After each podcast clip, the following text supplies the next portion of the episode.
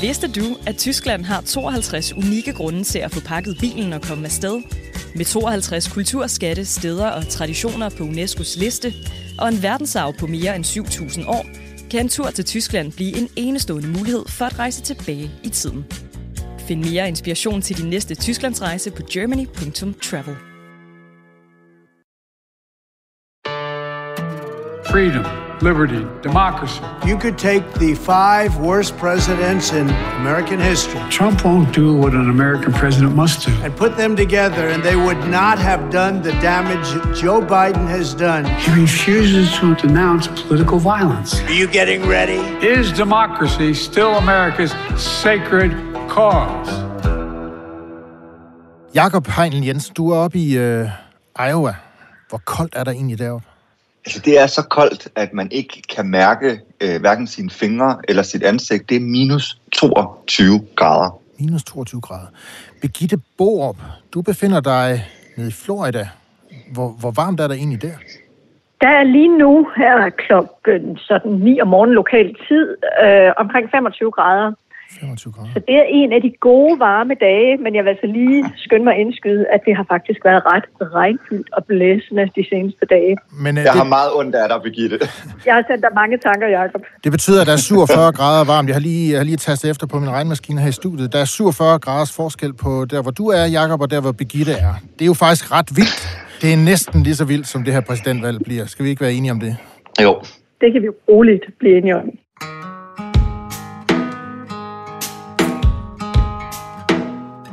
Det er blevet 2024, og det er året, hvor der er præsidentvalg i USA. Det tegner til at blive det vildeste, det voldsomste og måske det vigtigste præsidentvalg i USA i vores livstid.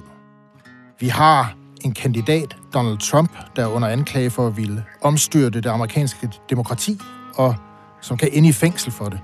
Vi har en anden kandidat, præsident Biden, der er over 80 år og nærmest opfører sig som en på 90. Vi har en verden, der er usikker på, hvor USA står efter valget, blandt andet når det gælder støtten til Ukraine. Vi har vanvittige scener i USA med millioner, der kommer illegalt ind i landet over grænsen til Mexico, og voldsomme ideologiske opgør på universiteterne, og en økonomi, der hele tiden er på vippen. Og så har vi to sandsynlige præsidentkandidater, som amerikanerne ikke gider at have, men som de nok alligevel ender med at få. Det er simpelthen for spændende til ikke at lave en podcast om, så det har vi gjort. Jeg hedder Tom Jensen, jeg er chefredaktør på Berlingske, og nu kaster jeg mig ud på det dybe vand som podcastvært og bartender her i Saloonen. Vi sender hele året, mens USA vælger præsident. Det bliver voldsommere end selv den vildeste westernfilm. Velkommen til Toms Saloon.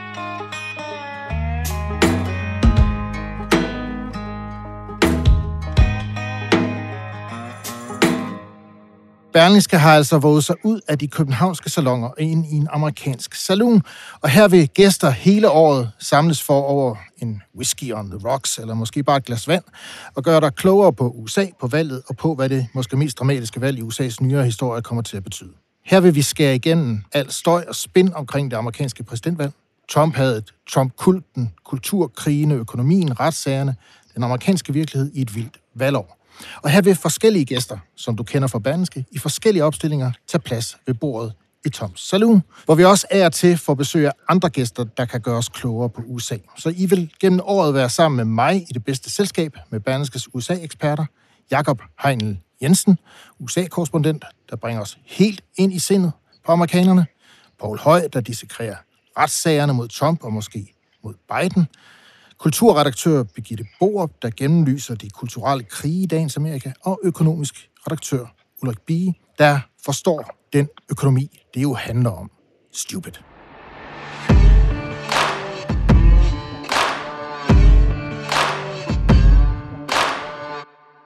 Første saloon er lidt alene ved stambordet her. For begge mine gæster befinder sig, som vi lige har hørt, i USA. Det er Jakob Heinl Jensen, som er oppe i kulden i Iowa for at dække primærvalg, og så er det Birgitte Borup, som befinder sig i varmen nede i Florida. Velkommen til jer to. Tak skal du have, Tom. Tusind tak. Som sagt blev det første primærvalg, eller caucus, som det hedder i Iowa, afholdt natten til tirsdag i landbrugsstaten, der ligger lige midt i USA. Og her sejrede Donald Trump. Han fik endda over halvdelen af stemmerne, og lå langt foran sine nærmeste konkurrenter, Ron DeSantis og Nikki Haley. Lad os lige starte med at høre et klip fra Trumps sejrstale, hvor han lød helt anderledes, end han plejer. Most importantly, we want to thank the great people of Iowa. Thank you. We love you all. What a turnout, what a crowd. And I really think this is time now for everybody, our country, to come together. We want to come together. Uh, whether it's Republican or Democrat or liberal or conservative, it would be so nice if we could come together and straighten out the world and straighten out the problems and straighten out all of the death and destruction that we're witnessing. That's practically never been like this. It's uh, just so important. And I want to make that a very big part of our message. We're going to come together. It's going to happen soon, too. It's going to happen soon. Ja, han lyder næsten som en blød mand, der appellerer til national samling. Jakob, hvad tænker du om den forsonlige Trump, vi hørte her? Jamen, jeg blev faktisk en lille smule rystet, fordi man er så vant til den her meget krigeriske øh, retorik fra Trump, så når han bliver lidt mere moderat, jamen, så får man jo et, øh, så får man jo øh, et, et stort chok. Jeg tror så, at man skal se den her sådan lidt moderate, meget sådan øh, afmålte Donald Trump egentlig som et symbol på, hvor han står henne, hvad det er for en sejr, han har vundet. Der var måske mange, der regnede med, at han ville ligge omkring 50 procent, men det, han kommer over 50 procent, det gør ham simpelthen så overlegen, at han måske allerede nu kan begynde at kigge ind mod midten og over midten. Øh, og der er det jo lidt nødvendigt for Donald Trump også at, at øh, skrue en lille bitte smule øh, ned fra, øh, for, for temperamentet. På den anden side vil jeg så sige, at jeg tror ikke, der kommer til at gå 24 timer, før den fuldstændig modsatte, meget krigeriske øh, Trump er tilbage. Det, det, det tror jeg sådan set, vi kommer til at se i de kommende dage. Han vandt jo så stort i Iowa. Altså, jeg tror, det var 51,1 eller 2 øh, procent af stemmerne, han fik. Han vandt jo så stort over sine nærmeste konkurrenter, at han endda gik så vidt som til at rose dem. Hvad skal man lægge i det? Altså, har han, har han reelt øh, sikret sig nomineringen bare med det her første valg? Vi er i hvert fald ude i det, som de, øh, de fleste øh, amerikanere betegner som et two-person race nu. Selvom DeSantis kom ind på en anden plads, og Haley kun fik en tredje plads, så øh, ventes det jo, at hun øh, kommer øh, stort igen i New Hampshire. Men selvom hun kommer stort igen i New Hampshire, så kan det her, tror jeg, altså nærmest være over øh, i slutningen af februar. Øh, når sejrene er så overlegne for Trump, så viser det jo også, hvor han står hen, og hvor stærkt han står øh, blandt amerikanerne. Lige om lidt kommer vi ned til dig, Birgitte, men jeg skal lige spørge dig, øh, Jakob. Øh, du har været op i Iowa i nogle dage. Har du oplevet noget deroppe, som du sådan lige kan give os øh, et, et sådan begreb om, hvordan man skal forstå den her sejr? Altså, hvordan foregik det? Jamen altså, jeg, jeg, vil, jeg, vil, egentlig, jeg vil egentlig gerne sige, at, at de her, de her caucusvalg faktisk er nogle meget, øh, øh, det, det på en måde et meget, en meget smuk øh, demokratisk handling. Jeg var ude på en middle school i går, altså en, en almindelig folkeskole, hvor øh, amerikanere jo stod i kø. Altså, de trodsede den her kulde, de enorme snedynger, de minus 30 grader, for at komme ind og sidde i en gymnastiksal og lytte på taler fra kandidaterne, altså Trump, øh, Ron DeSantis, Vivek Ramaswamy og Haley, altså repræsentanter for de kandidater. Og så sidder de jo her i gymnastiksalen, taler med hinanden, de skriver et lille, et lille lap papir, altså nærmest hvis du forestiller dig som et elevrådsvalg eller et eller andet, ikke? og så bliver det lagt i en stor topperware beholder, og så sidder der en mand op på scenen foran alle og, og, og tæller stemmer op. Og så kan alle ligesom se valghandlingen sådan helt nært og helt tæt på. Øh, og, og det, jeg synes, der var øh, øh sådan meget opløftende, det er, at vi taler jo meget om det her med, at det amerikanske demokrati er i krise, det amerikanske demokrati er sygt. Men det, jeg så i går, var altså democracy in action, det var øh, øh, meget, meget fint. Også fordi, at man kunne se forskellen på folk. Trump-folk har jo ikke kun horn i panden og alle mulige ting, vi måske forestiller os i Europa. De er meget, meget behagelige øh, mennesker, som jo også taler øh, med modkandidaterne. Hvorfor er der nogen, der er kommet over på hele side osv.? Så jeg synes faktisk, at det, det, var en meget, øh, det var en meget opløftende aften at se demokratiet øh, udspille sig på den måde.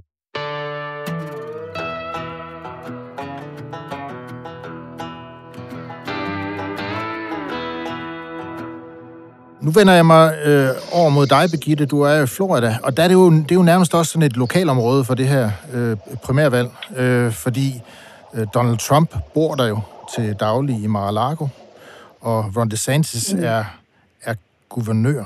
Alligevel har du fortalt mig, at folk i Florida går mindre op i det her valg.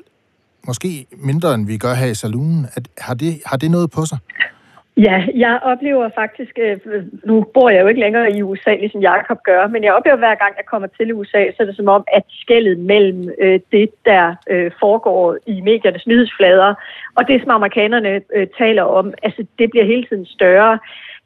Når jeg taler med folk her i Florida, øh, så er der for det første jo en, en skuffelse over, at det ikke rigtig er lykkedes for Ron DeSantis, som øh, republikanerne i Florida jo øh, havde et, et meget sådan, stort håb til i forhold til, at han var manden, der kunne tage over efter Trump.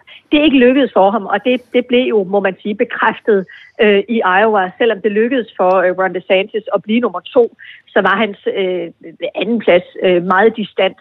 Øh, det er den ene ting. Og det andet er, at jeg i hvert fald tydeligt fornemmer et, sådan et, et disengagement, som især handler om, øh, at alt tyder på, at det bliver et Trump-Biden-valg igen. Der er en eklatant øh, mangel på entusiasme, øh, og, og det øh, tror jeg bliver en udfordring for begge kandidater, altså både for, for Trump og Biden. For det man skal huske er, at en ting er det, Jacob oplever op ved primærvalget, hvor det jo er dedikerede øh, primærvalgsvælgere, der møder op, altså folk, som er engageret i det republikanske parti. Men når man kommer bredere ud i valget ved øh, the general election, altså ved selve præsidentvalget, så kan det sagtens blive en langt øh, større kamp øh, og, og netop øh, vække den her entusiasme og få folk til at møde op og stemme. Så det er ikke sådan, at folk sidder og følger sådan et øh, valg her, øh, øh, dirrende af spænding rundt omkring på barne?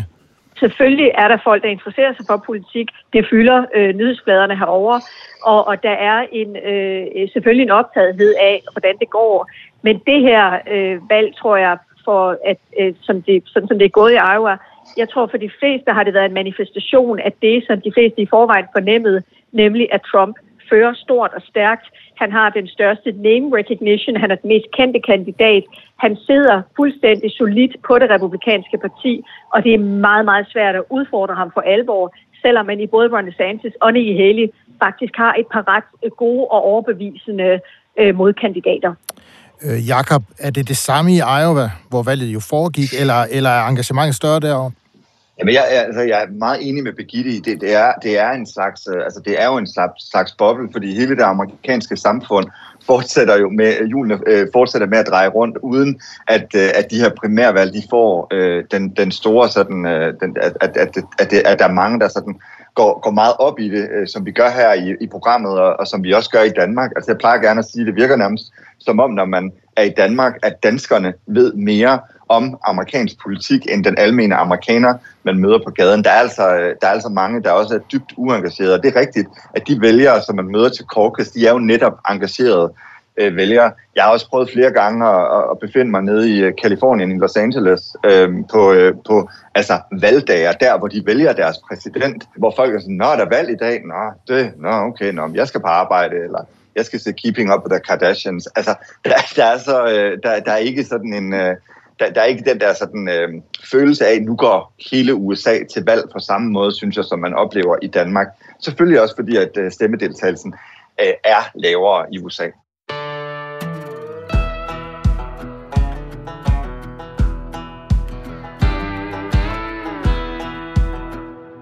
Skal lige runde øh, dig en gang til omkring det her, Birgitte, fordi øh, som sagt, nede i Florida, hvor du er, der er Ron DeSantis guvernør.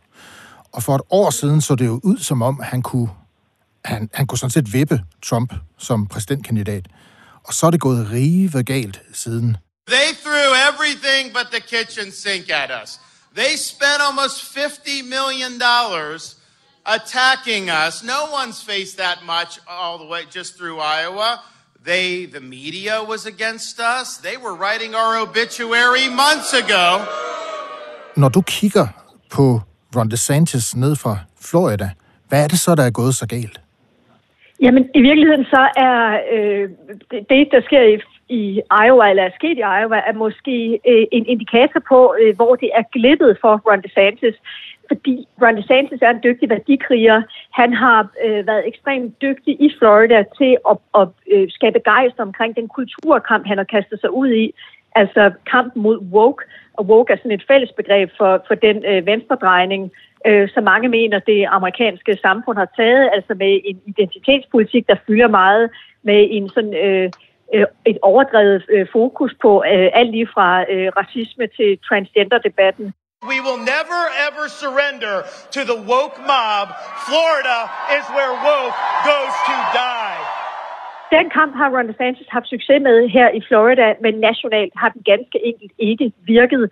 Og det vi så udspille sig i Florida var jo en gammel værdikamp, der vandt, nemlig Trump, der stiller, øh, selvom han så er relativt uperfekt. Men han står for nogle værdier, som det republikanske parti i højere grad ønsker sig, øh, end, end dem øh, Ron DeSantis øh, fører sig frem på. Han har ikke haft den gennemslagskraft, som man troede. Det sjove er, at sidst jeg var i Florida, det var faktisk for at lave en reportage om Ron DeSantis op til midtvejsvalget, hvor han jo vandt stormende øh, i Florida og, og, og lignede øh, netop det alle indtil for et tid siden, og tid siden troede han var. Han lignede øh, kandidaten, der kunne blive den nye Trump, men med en højere grad sådan af fornuft indbygget.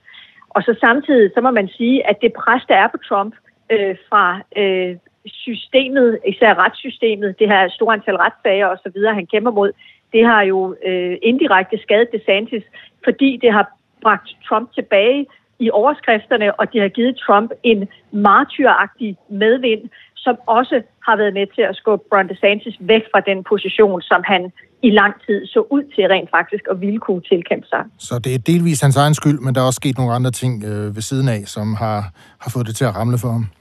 Han har været for uklar og har, har forsøgt, hvilket det er jo en fejl, mange kandidater har begået, de har forsøgt at lægge sig et eller andet sted midt imellem Trump øh, og det gamle republikanske parti. Og den strategi virker bare ikke rigtigt, må vi konstatere.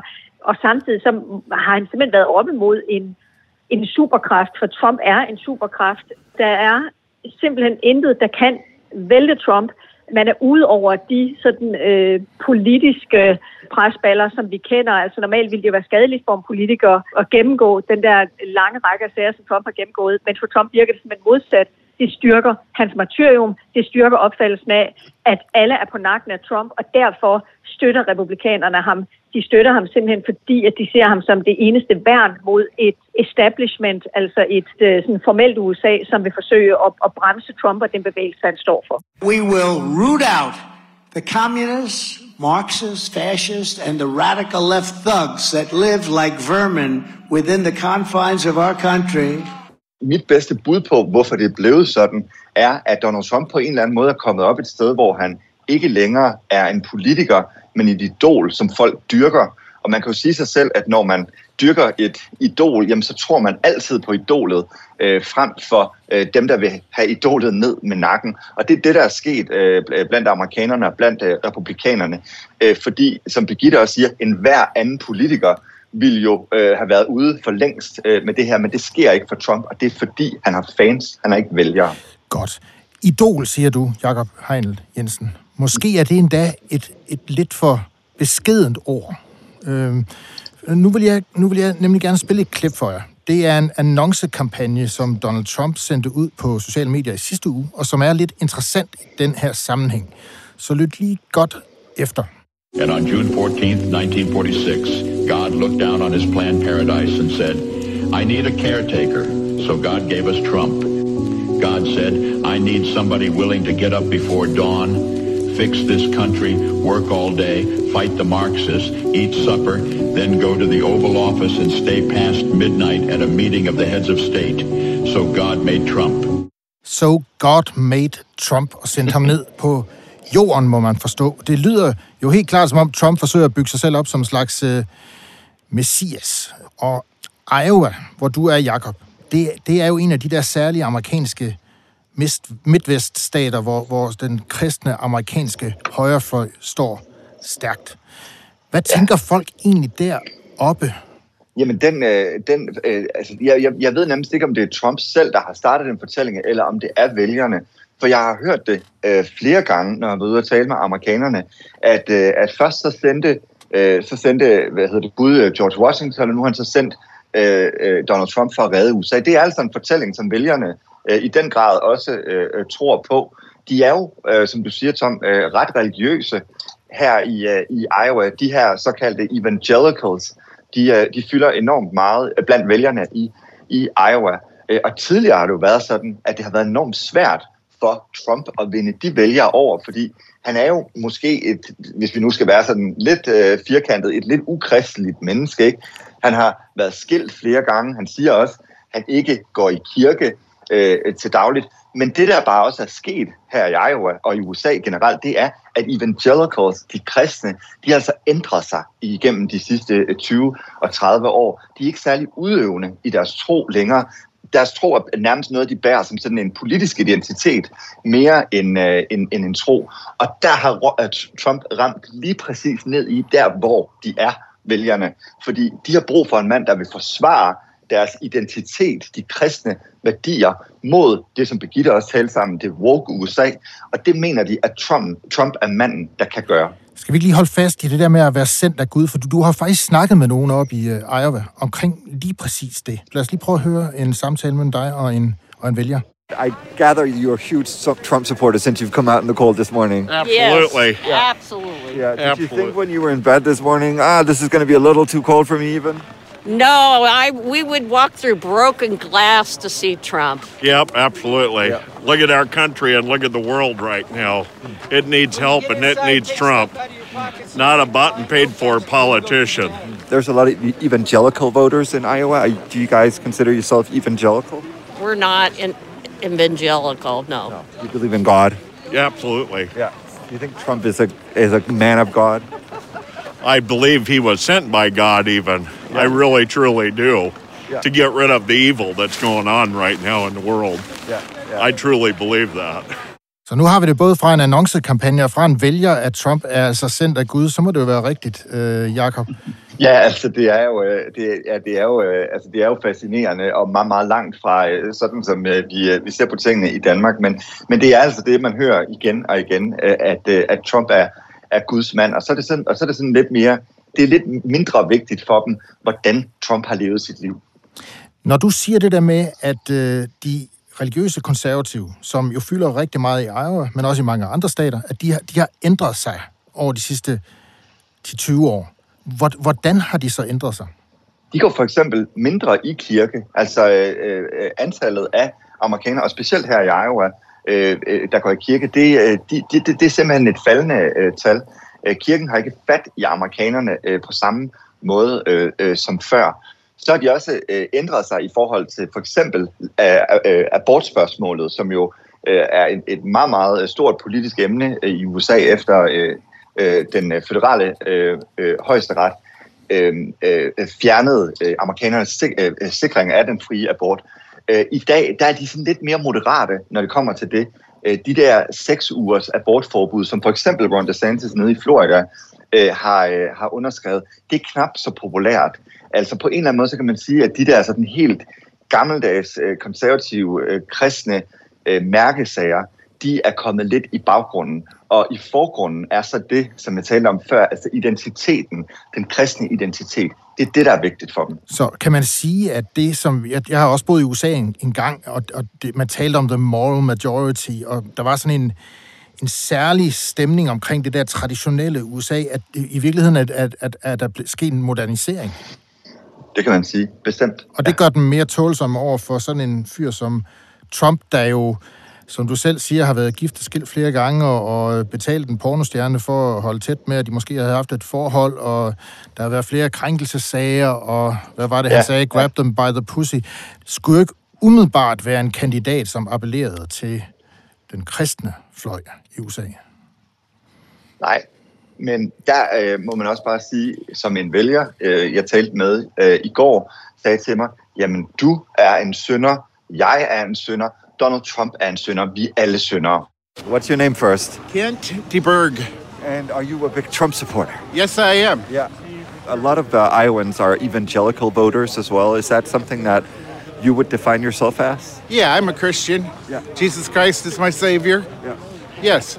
So that's. Do you, think that, do you think that you know Donald Trump is you know also a Christian, but he's also a twice divorcee? Is that anything that you, th- you think is a problem for him as a candidate? No, I, I haven't lived a perfect life either. Nobody has. Neither have you. No. so, no, that's not a problem. I like uh, his uh, straightforward attitude. Der fik du den, Jakob Heinle. Ja, det er det. Og jeg kan også bekræfte, at jeg er også en synder. det er vi nok alle. Det synes jeg fremgår øh, i visse skrifter. øhm, så der er så sket noget med de kristne, som gør, at de sådan set godt kan tåle en, en, en fyr som, som Trump, øh, som kandidat. Og nu vil jeg gerne gå til dig, Begitte, øh, fordi vi har snakket om det her med, at, at Trump ses som sådan en beskytter af det traditionelle USA. Hvad, hvad er det? Hvad er det, hans vælgere synes og tror på, at han kan beskytte? Jamen, i det kristne USA er der jo sådan to grundbegreber. Det er God and guns. Altså, øh, Guds tro er den ene ting, øh, og det andet er Second Amendment, altså det er retten til at bære våben, øh, som øh, en meget stor del af den vælgergruppe ser som, som fuldstændig ukrænkelig. Øh, og, og Jacob har fuldstændig ret i, at det, at Trump har levet det der lidt udsvævende liv, det betyder langt mindre for folk, end at han rent faktisk vil gå ind øh, og beskytte øh, de øh, grundrettigheder, som, som øh, republikanerne øh, anser for simpelthen at være, øh, være gudsgivende. Og en meget, meget stor øh, bestanddel af dem er pro-life. Altså de er, øh, jeg læser mig frem til, at omkring 80 procent af de øh, republikanske vælgere i Iowa tilhører pro-life-bevægelsen. Altså er tilhængere af, øh, at, øh, at hvis man bliver gravid, så skal man føde barnet, også selvom at den holdning ganske rigtigt er blevet nået op. Og det, at Trump han har leveret tre højesteretsdommere i løbet af sin præsidenttid, som rent faktisk fik, øh, fik fjernet den forfatningsmæssige ret til abort i USA, det giver ham en slags livstidsgaranti fra de vælgeres side. De vil simpelthen tilbe ham, uanset hvad han gør, hvor mange skilsmisser, hvor meget utroskab, øh, og hvad han ellers har på sin egen samvittighed. Så øh, Trump bliver set som en beskytter af de gamle amerikanske øh, værdier, og den status kan hans privatliv ikke ændre på. Men hvad er det, der er under forandring i USA, hvis vi lige skal runde det? Altså, at der er noget i kulturen, der er noget i demografien, som også forandrer sig ret hurtigt? Der er en, øh, en, en lang række forandringer i gang, øh, og, den, øh, og noget af det, altså hvis man kigger på modkandidaterne, hvilket jo også spiller en, en øh, væsentlig rolle her, Ron DeSantis har jo netop slået sig op på, på kampen mod woke, på nær at han har ændret øh, abortgrænsen i Florida fra 15 til, til 6 uger, så står han ikke i, i samme grad for nogle øh, gamle kristne værdier. Nikki Haley slår sig op på at være politikeren, altså på at have en stærk indlandspolitik, men også en, en stor viden om udenrigspolitiske forhold og en, øh, en mere udadsøgende øh, politisk linje. Øh, men altså stillet over for det, som øh, Trump repræsenterer, altså at være en beskytter mod de øh, øh, kulturkrige, mod de kulturelle bølger, der hele tiden strømmer hen over øh, de forenede stater. Øh, der er Trump for de republikanske vælgere det klare valg, og det viser både resultatet i Iowa, og det viser stort set alle andre målinger også. Det er meget, meget svært på det her tidspunkt at forestille sig et, et øh, primærvalg, der får et andet udfald, end at Trump han bliver præsidentkandidat. Vi har altså en, en sådan lidt særlig præsidentkandidat, Donald Trump, der har en lidt særlig historie, som alligevel har fået de konservative øh, kristne bag sig. Samtidig har han jo så faktisk også allerede ved, ved valget i 2016 sikret sig opbakning fra nogen, der ikke plejede at stemme republikansk, altså de traditionelle arbejdervælgere op fra, fra midtveststaterne og rustbæltet. Er det ikke en helt utrolig alliance, han i virkeligheden har, har fået bag sig der? Altså de gamle demokratiske hvide arbejdervælgere, og så de konservative kristne i sådan en, en stor en stor fælleskrammer bag Jo, det, det, er, det er jo meget op, altså det er jo, øh, det er jo meget opsigtsvækkende, kan man sige, for, netop fordi, at de øh, traditionelle øh, konservative, de havde et helt andet øh, syn på livet, troede man, øh, for, øh, for 10 og, og 20 år siden i, i Bush-æraen, hvor det jo virkelig var de der øh, mere traditionelle øh, konservative værdier, der, der, der, der slog igennem. Men det er rigtigt, der har Donald Trump virkelig øh, formået øh, at samle alle de her øh, øh, vælgere, og det er noget af en, øh, og det er noget af en præstation, som jeg tror mange måske ikke havde regnet med øh, var mulig. Man kan sige, der er jo stadigvæk, og det skal vi lige huske i den her valgkamp, der er jo stadigvæk never Trumpers, og i virkeligheden så er Nikki Haley jo de 20 procent, hun stjal af øh, Iowas resultat i går, eller hun fik Iowas resultat i går, det er mange af dem, som vil en anden retning. De, det er mange af de gamle, dem, der vil en mere sådan traditionel konservativ retning, øh, og som jo også øh, som jo også er et meget vigtigt tema, som jo i den grad også synes, at USA øh, sådan skal være verdens politimand. Vi skal hjælpe i Ukraine, vi skal hjælpe i Israel, og jeg mener altså også, også i Iowa, vi kommer nok til at se det mere i New Hampshire, men de vælgere er altså også en, øh, en, det udgør også en, en stor del af de republikanske vælgere efterhånden, de her 20 procent, som øh, Haley øh, får. Og det er jo interessant, fordi der er måske mange på den fløj, der har ventet på sådan et oprør indenfra i det republikanske parti mod trumpismen. Det lille oprør er der. Det er de 20 procent, der stemmer på Nikki Haley.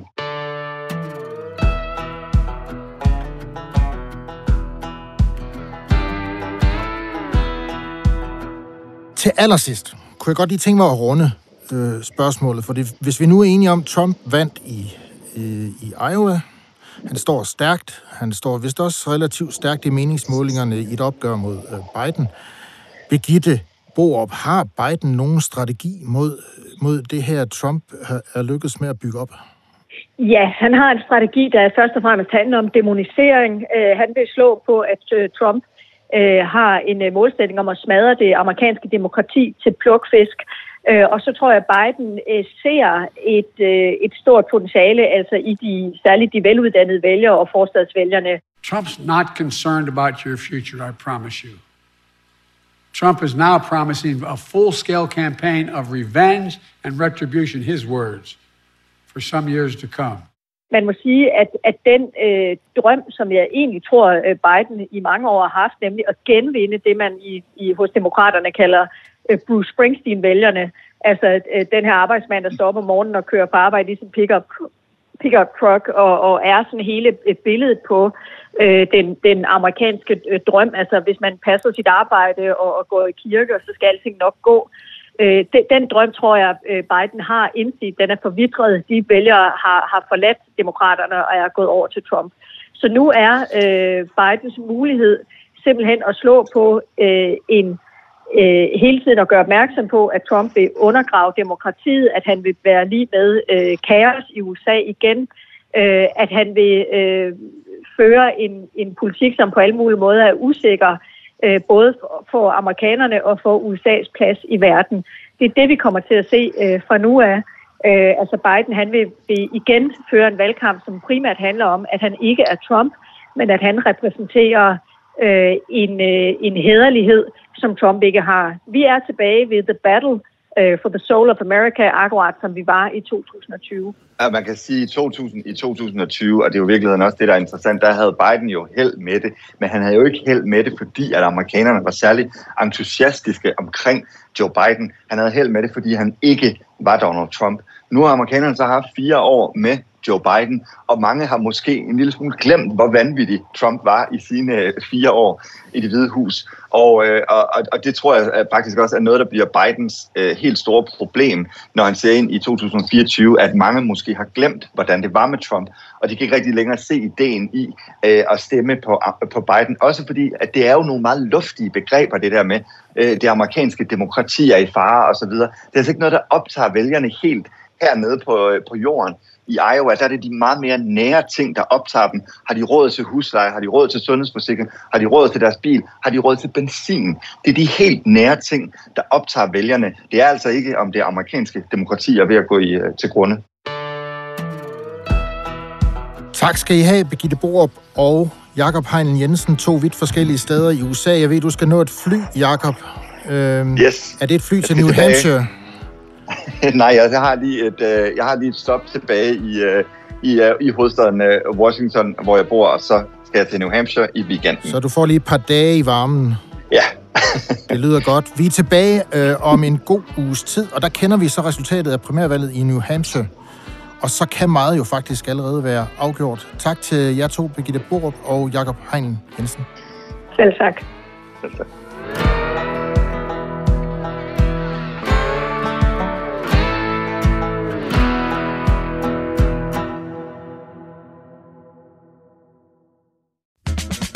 Vidste du, at Tyskland har 52 unikke grunde til at få pakket bilen og komme afsted? Med 52 kulturskatte, steder og traditioner på UNESCO's liste, og en verdensarv på mere end 7.000 år, kan en tur til Tyskland blive en enestående mulighed for at rejse tilbage i tiden. Find mere inspiration til din næste Tysklandsrejse på germany.travel.